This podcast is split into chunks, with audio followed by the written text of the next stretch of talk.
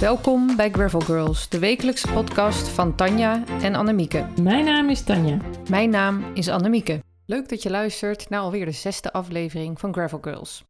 Vandaag hebben wij een speciale gast, Julia Hobson. Julia hebben wij zes jaar geleden ontmoet in Frankrijk. Tijdens de Transprovence was zij onze gids. Vandaag de dag doet zij veel aan bikepacking en heeft zij veel tips voor ons als wij straks naar Schotland gaan. Veel plezier met luisteren. Deze podcast is in het Engels opgenomen. And uh, I'd like to say hello to everybody.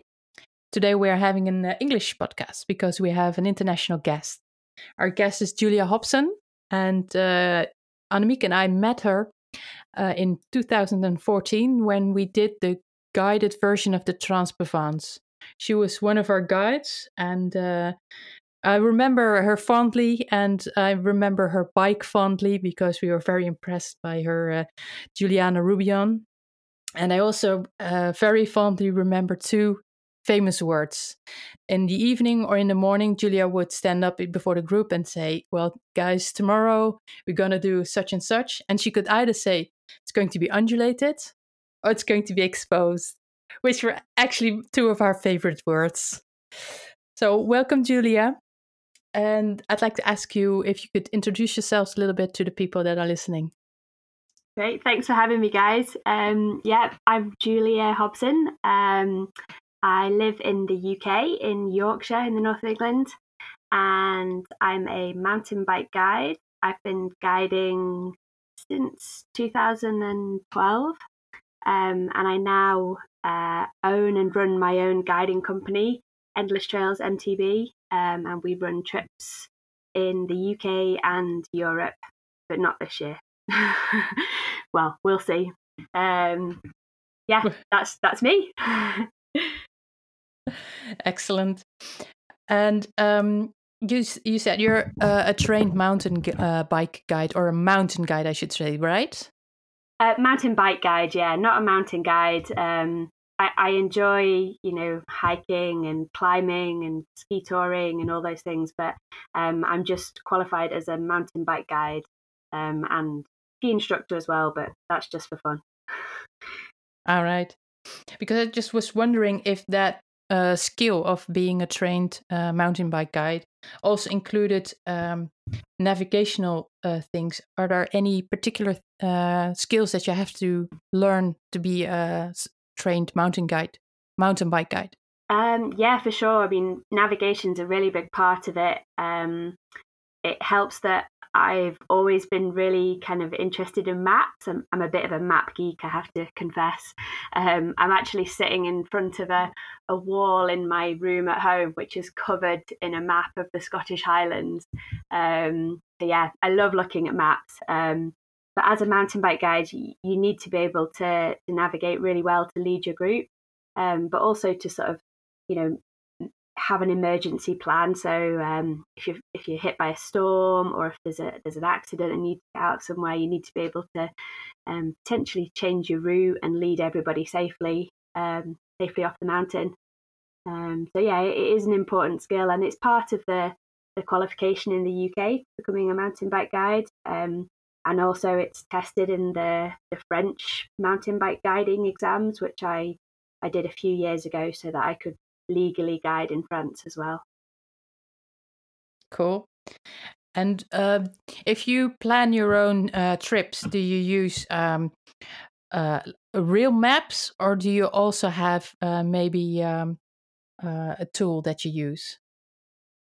Um, yeah, so I mean, I'm a big fan of paper maps when I'm planning routes at home, just because I like being able to see like a whole area in front of me in one place. Um, but then I do use the OS, which is the Ordnance Survey maps for the for the UK um, online, uh, and I use their app um, to to plan GPX routes, um, and then I can just upload them to a a GPS device, and I, I, tend to kind of nowadays follow that when I'm on a new route that I don't know, um, just as just as a backup, and just because it's it's easier than getting a map out, especially when it rains, which it does a lot here, obviously. I, I, that's the same uh, map uh, fetish uh, as you, uh, maybe uh, maybe not that extreme, but uh, I love looking at a map. Uh, when we decided to uh, go riding in Scotland, the first thing I did on Amazon was buy a map of Scotland's Highlands. And but the thing is, I look at those maps, but I I didn't buy the the really zoomed in ones because you know you have to get like twenty of them. I don't know. Yeah, there's a lot. But I also don't know what to look for or what to mind if you're looking at a map, how you can read the territory. Maybe can you give some a few pointers?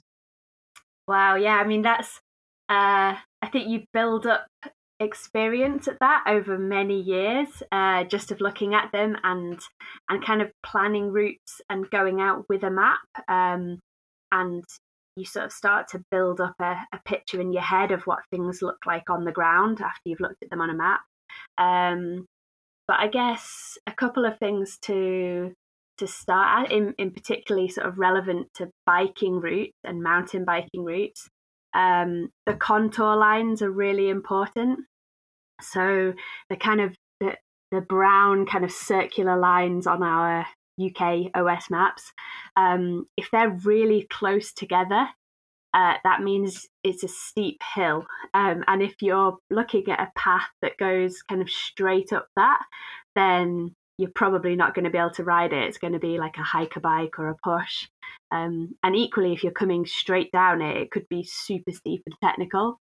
Um, so that's one thing to bear in mind. You tend to kind of look for routes that take a nice, gentle way up uh, and save the sort of steeper bits for the way down, um, or not, depending what you're looking for.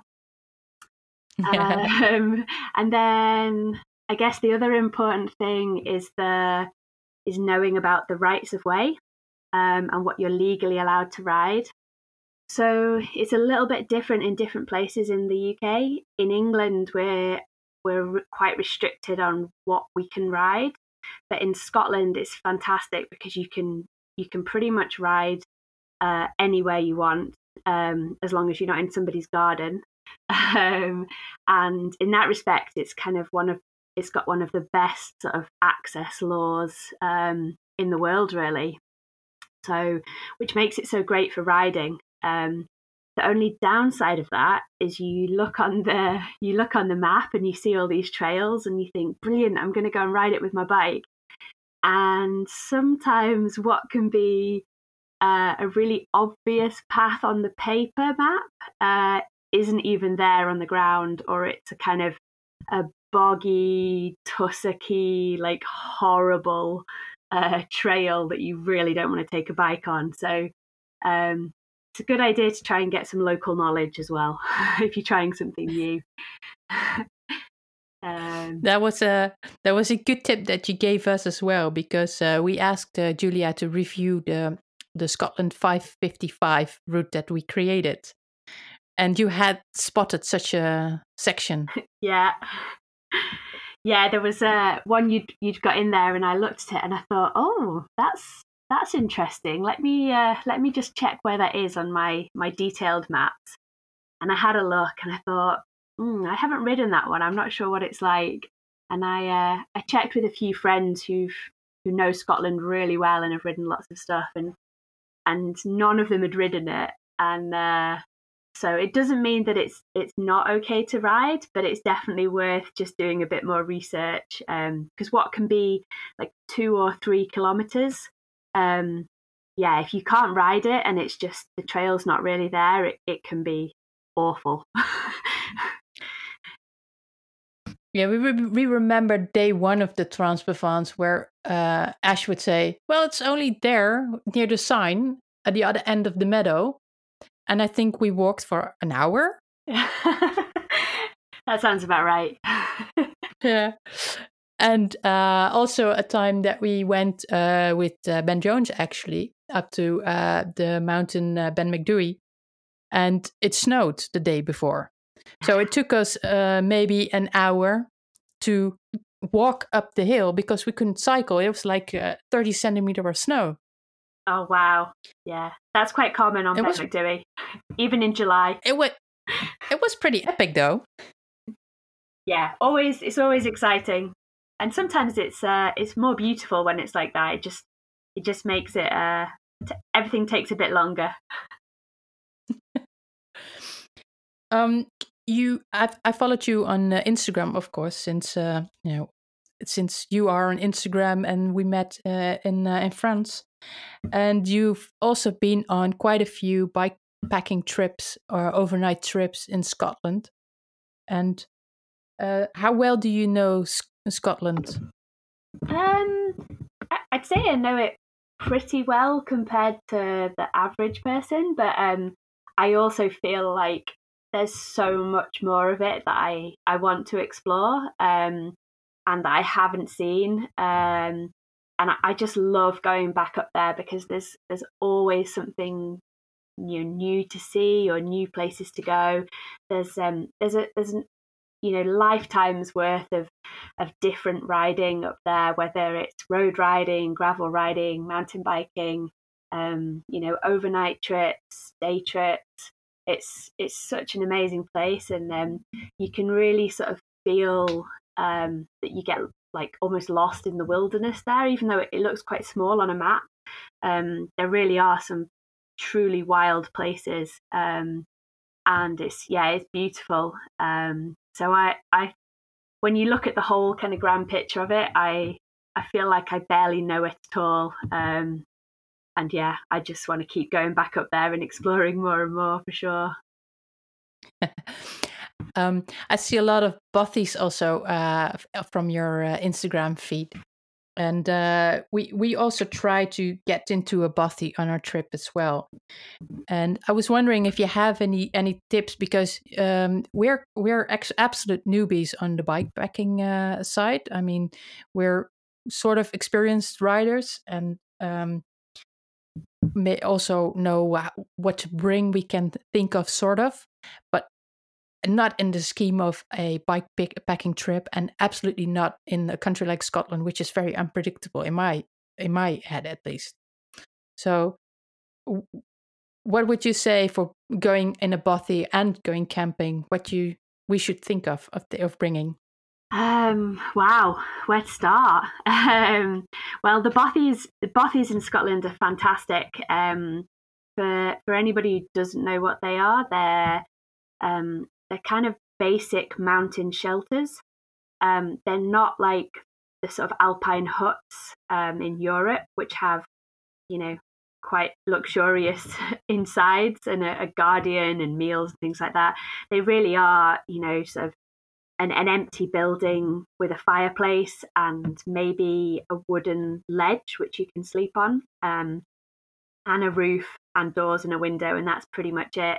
Um, but they're they're often amazing buildings in incredible places. Um, you can't book them. Uh, you just have to turn up and uh, hope that nobody else is in there. Um, but if they are, I've had some amazing nights where you meet, you know, real characterful people uh, that you're sharing the bothy with. Um, so the first thing I'd say is take some earplugs um because you might find that you're sharing the bothy with some lovely people who just happen to snore really badly. Um the second is uh i would say take a bivy bag just in case because if the bothy is full uh, and you can't get inside then yeah you're probably going to be sleeping outside which can be great as well um but yeah, a bivy bag in case it's raining or damp is is a good idea. Um, what else? Food wise for bike packing, uh, I'm a big fan of super easy but tasty stuff. So um, I use loads of. Uh, do you guys have Ainsley Harriott in the Netherlands at all? The chef, TV I've chef. actually no idea. Oh, so he's a he's a TV chef in the oh. UK, but he does his own kind of range of packeted foods as well. Really? And, uh, yeah. So he does a there's like a packet couscous or packet rice, and um, you can actually use those when you're uh, bike packing because you don't need to kind of put them into a um, a tin or a, a bowl. You can pour the water directly into the packet fold the top back up to let it kind of steam and cook itself. And then, yeah, hey presto, it's uh, it's ready to go, and you can add like cheese or olives or some tuna or something to it. So keep it super easy, but not have to do any washing up afterwards, which is great when you're on a sort of multi-day trip too. Um, so he's a yeah, that's a that's a top tip. Um, but yeah, anything uh, anything that's kind of easily packable and minimal faff really is the best thing for I'd say for food on bikepacking trips. Um, and Scotland's pretty good in that there's loads of small villages which will have little shops, so you can keep stocking up as you pass through them when you guys do your do your big trip. Yeah, we we I think we intend not to cook ourselves. Oh, uh! And try to try either to go uh, um, with uh, sandwiches and, and and bring that to eat at night, or uh, visit local restaurants and uh, see where we camp out, or go to a bothy. Yeah, that's even but, better. if you, if you don't if you don't take a stove, obviously, um, you're saving on weight that you have to carry on the bike. So yeah, if you can do that, that's that's great. Yeah, because I'm kind of getting a, a, a horrible uh, um, uh, nausea about how much stuff I have to bring. And we we plan to do a uh, five day ride, and um, uh, well, you have obviously have travel days, but you you don't have suitcases or anything. You just bring your bike, maybe in a bike bag, and you can leave some stuff in the bike bag uh, whilst you're riding. But I, I just nervous of what to bring, and it, in my head it's becoming so much stuff. Well, I think and when you start, when you get your bike packing bags and you're kind of practicing packing them up, um, you just learn to be super ruthless. So you'll have the clothes that you're wearing on the bike to ride, um, and then maybe a spare layer and a spare, like a waterproof layer and then I'd normally take like a pair of super light flip flops, um, uh, a pair of pants, and uh, a super lightweight like uh, merino layer and some merino tights and like a down jacket. And so I literally wear the same clothes to ride in each day and then swap and have like an evening set of clothes. Um, but really, really, that's it. Don't take any extras. Don't take multiple pairs of chamois shorts. Just take lots of chamois cream. and and uh, and sort of be okay with the fact that you're probably going to be a bit smelly, but you'll be fine. There's lots of streams you can have a wash in.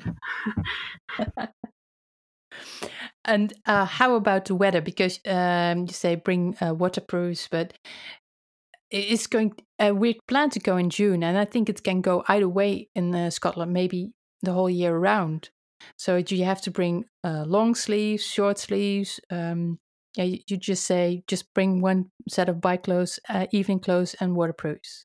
Yeah, I mean, I would in June, like it's normally uh, even in the Highlands of Scotland, it's it's normally not super cold, and when you're moving as well, that makes a difference. So I think if you have like a merino t-shirt or jersey that you're riding in, um, maybe a, a, a lightweight kind of merino long sleeve layer and then a waterproof like that that should be fine um, for riding in. And then if you've got like a, a, synthetic or down jacket as your kind of warm evening layer, um, you can always put that on as well, like when you're riding, if you're really cold or when you stop. Um, but uh, yeah, it, it's it is difficult when you're not used to what it's going to be like. Um, but if you've got the advantage of traveling out there and then leaving stuff in a bike bag, uh, you can probably take a little bit more than you need and then look at the forecast just before you set off and sort of make some last minute decisions then as well. And if it looks like it's going to be really cold and wet weather, then yeah, you definitely want to take more than that. But if it looks kind of settled and, and not too bad, then can get away with a bit less. It's a learning That's curve every quite... trip. That's actually a good uh, good tip. And um, what what what do you do when it when it rains on your trip and uh, your one set of clothes get wet, or uh, how do you make sure it dries before the next day? Um, I mean, if you guys are staying in um, like hostels or B and B's or places like that, then uh, normally the room that you stay in just turns into like a big drying room because you can finish your day and just hang everything up and just let it dry. You can even give you like you know things a bit of a wash if they're starting to get a bit stinky, um, and they should dry by the next day. If you're not and you're staying in a bothy, then um, if you can light a fire there, which most bothies have a, like a stove or a fire, but you do have to take your own fuel for them, um, then that's a great way to try and dry stuff. And if I'm staying in a bothy in the winter, um, I'll always make sure that I'm carrying some fuel so that we can have a fire and yeah, just warm things up and dry them out as well for the next day. So that means that on your trip to the bothy, you bring wood. Yeah, so either wood or um, a little bit of coal or um, like a fire log. So like um, I don't know if you can get them in the Netherlands, but over here you can get like a it's like a two kilogram compacted uh, wooden sort of pellet log that is pre-wrapped, and you literally just set fire to the whole thing, and that'll burn pretty hot for kind of two to three hours. Um, so that's quite a good thing to take on a on a trip. But even better is if you turn up at a popular bothy and there's already some people there who've walked in and they've lit an amazing fire ready for when you get there. Um, so that's the advantage of when other people are in the bothy. That's true. And I believe there's a good custom that you uh, you either bring something or you leave the bothy uh, like better than you came. So you have to bring like a sort of a gift or something. Um, maybe like if you've got extra fuel for a fire that you're not going to use, uh, you leave that for the next person. Um, but yeah, really, like don't leave anything there. So if you've taken like some, you know, a bottle of wine or something, then make sure you know you take the bottle back um, because they're they're just like volunteers, sort of look after them and, and maintain them. Um, so they yeah, you need to take kind of everything out that you take in. Um, and they do sort of uh, try to discourage people leaving stuff behind just because it in kind of you know it can encourage rats or mice. Um, but if you've got like a if you carried in a tin of soup and you don't use it, then uh, I'm sure if you leave it, then the next person will probably or the one after them will probably eat it. So things like that for sure. But I don't think you need to think about taking a taking a gift or leaving anything.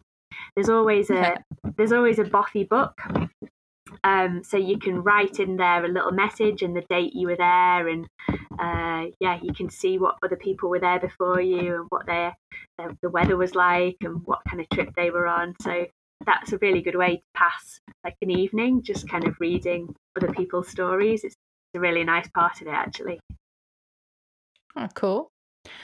And um, I was just, oh, it kind of slipped my mind.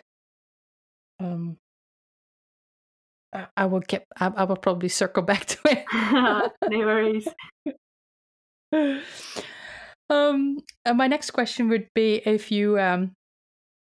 Oh yeah, uh, we noticed that there's sometimes a little bit of noise on your background. Oh. And uh, maybe you were moving just now. I was just scratching my neck. Yeah. Sorry. no, don't worry Actually, it's probably really near the microphone. Yeah. Oops. uh, no worries. Um, my next question would be if um, in any of your overnight trips or bikepacking trips, if you have any epic fails that you think that we should know about so we can learn from it. Oh, Bear in yeah. mind that we are absolute newbies. Um, I'm sure there have been some, but I've had so many that I think you learn from each one. That um, I haven't had any for a while. Um, we did. I did have one a couple of years ago with a I have two really good friends, Rachel and Claire, and we we ride together a lot. And we always try and do a winter bothy trip, um, which we call our girls' night out. And uh, we pick a different bothy that we've never been to before, and we plan a route in. And we take loads of fuel for the fire. We take a lot of red wine and a lot of chocolate. And um, yeah, we just have a, a great kind of night out in the middle of nowhere in the bothy really and um, we went up to a, a bothy in uh, in England actually, in the the North Pennine Hills, so the, the sort of quite near the top of England before you get to Scotland, and the forecast was pretty bad overnight, but we managed to kind of get in in the dark, and it was starting to snow, but it was it was okay. We got inside, we lit the fire. Uh, we ran out of wine far too quickly. We were having a great time. Um, and then the fire started to kind of get really cold, but there was a blizzard outside. It was really snowing. It was really windy. Um, it was quite cool to be there, but we were starting to get a bit cold. So we threw a load of coal that we'd found in the next room that somebody had left onto the onto the fire. Unfortunately, it was a bit damp, and so uh, the room got really, really smoky because of the damp coal we'd put on the fire. And so we were trying all sorts of things. We were putting more wood on, we were blowing it, we were doing whatever we could. But eventually, the uh, the carbon monoxide detector went off, and it was just kind of going crazy. So we had to we had to open all the windows and all the doors so we didn't kill ourselves. So of course all the snow and the, the blizzard was coming in from outside and all the warmth we'd built up inside just completely disappeared.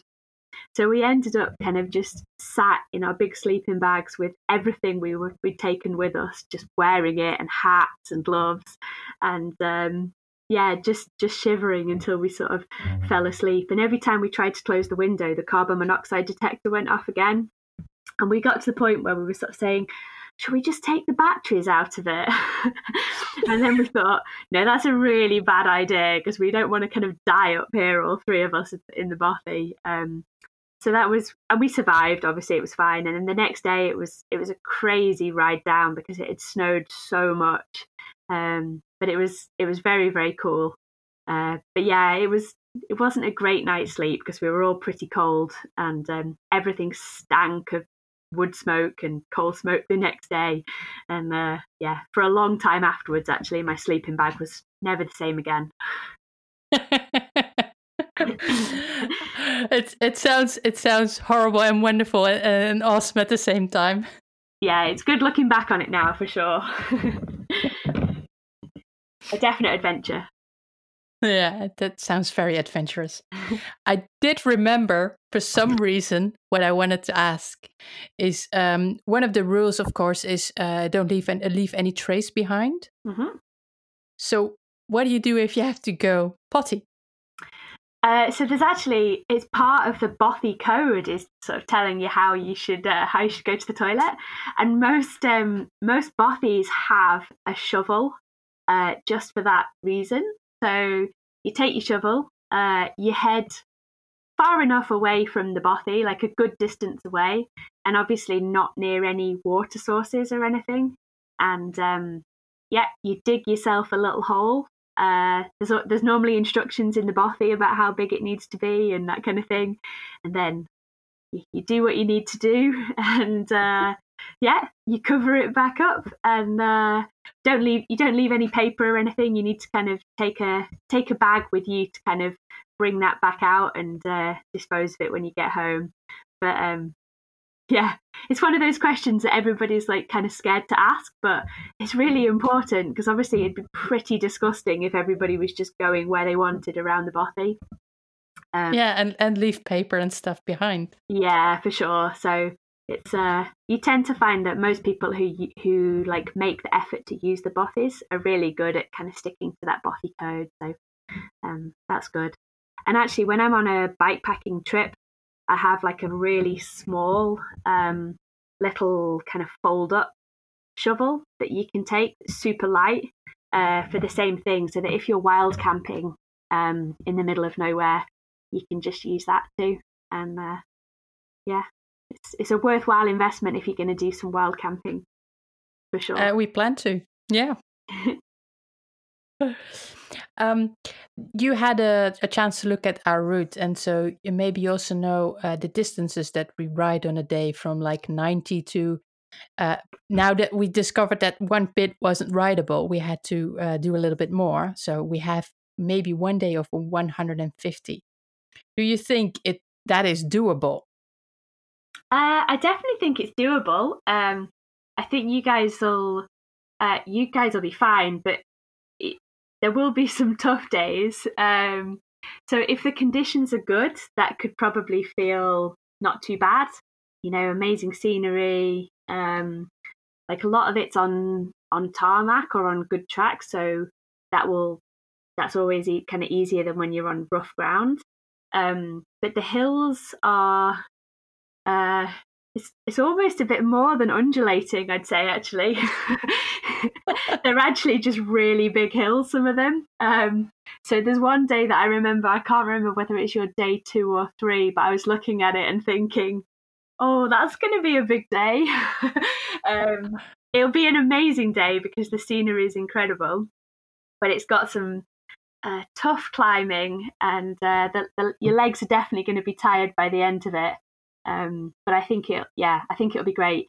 If it's windy, um, it could be quite a bit harder, but you'll be fine. Do you fancy riding with us one uh, one day? I'd Just love to to. I would take us to. along.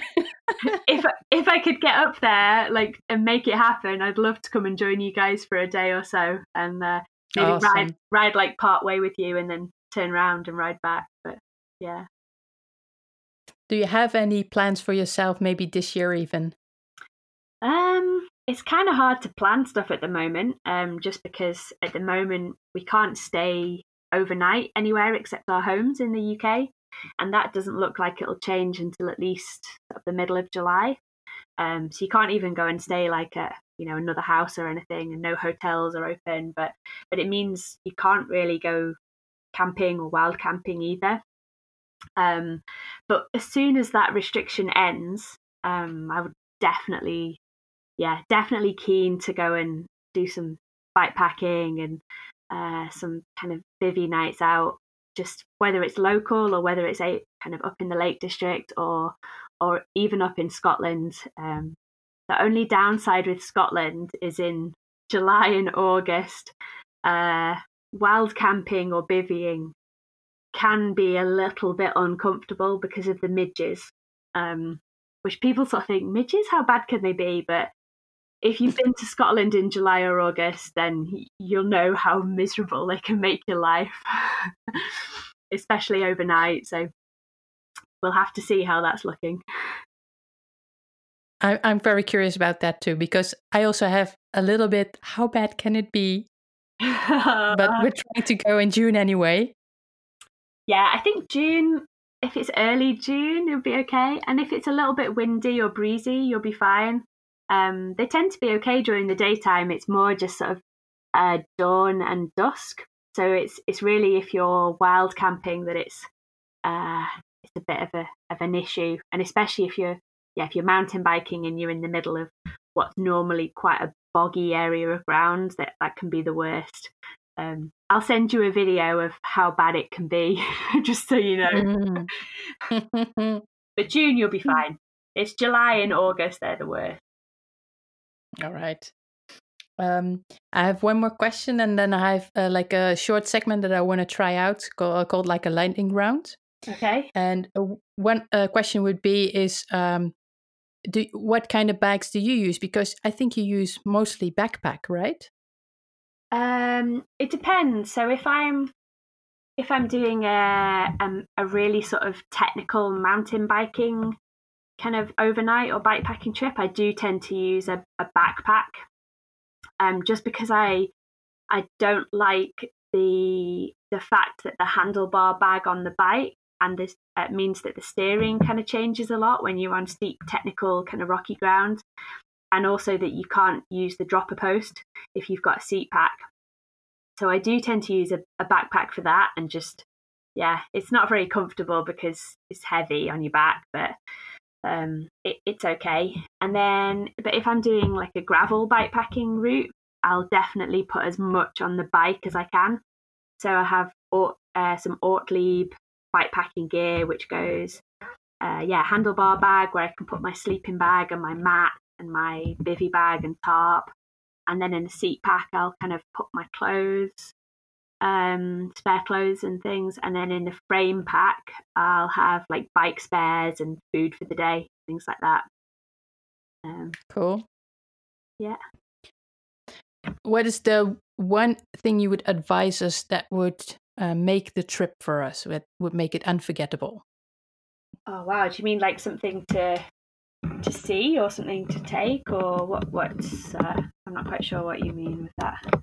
Uh, maybe um, um, what we sh- I don't know. oh, I think um, I think the route that you've plotted, like you're gonna see some uh, incredible scenery. So I'd make sure that you have uh, a good camera and um, like a decent like decent batteries, so you don't run out of batteries and miss miss taking some photos. Because uh, and just take your time so that you can you can actually stop and see and take take all those scenery, you know, take all the scenery in without just sort of rushing past it. And that's what's really nice about bike packing is that you do travel a bit slower and you can see so much more. Um, so yeah, I think that's that's one thing that's gonna gonna make it for you is just taking your time to stop and appreciate all the scenery that you're traveling through and, and the views you get. That sounds amazing, uh, like what we want actually. Um, uh, for the last segment that I want to try out is like called the lightning round. I'm going to ask you uh, two uh, opposable things, uh, not opposable, opposed um, statements. Yeah. And if you want to just out of the top of your head say one or the other, which one you would prefer. Okay. Yes. Yeah. Uh, gravel mount- biking or mountain biking? Mountain biking. Uh, bike packing or backpack? Bike packing. Uh, Scotland or Provence? Oh, Provence. Last one. Sour crocodiles or haggis? Oh, sour crocodiles. I do like haggis, but that's one thing that we also um, remember from our trip in uh, Provence, uh, taking uh, sour crocodiles and um, salty peanuts. Oh yeah, it's a good combination. Thanks. It was perfect. Uh, thank you, Julia, for this uh, wonderful interview and uh, your uh, insights and stories. If uh, the listeners want to find out more about you and your bike your bike trips, where they can they find more of you and how can they follow you? Maybe on Instagram. Um, yeah, so my Instagram is at Julia Likes Bikes and also um, at Endless Trails MTB.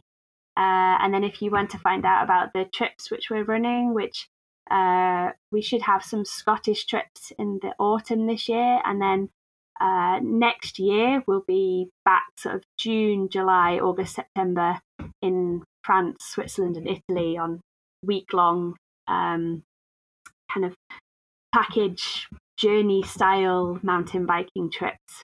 Um, and they can find the information on those at www endlesstrailsmtb.com. Excellent. Well, thank you very much. It was uh, lovely to have you on our show. Oh, and thank you for having uh, I wish me. you uh, I wish you a very good time and I hope we're going to see you on our trip next year. Oh, that would be fantastic. I really hope so too. Thanks so much for having me, guys. It was lovely to catch up with you again.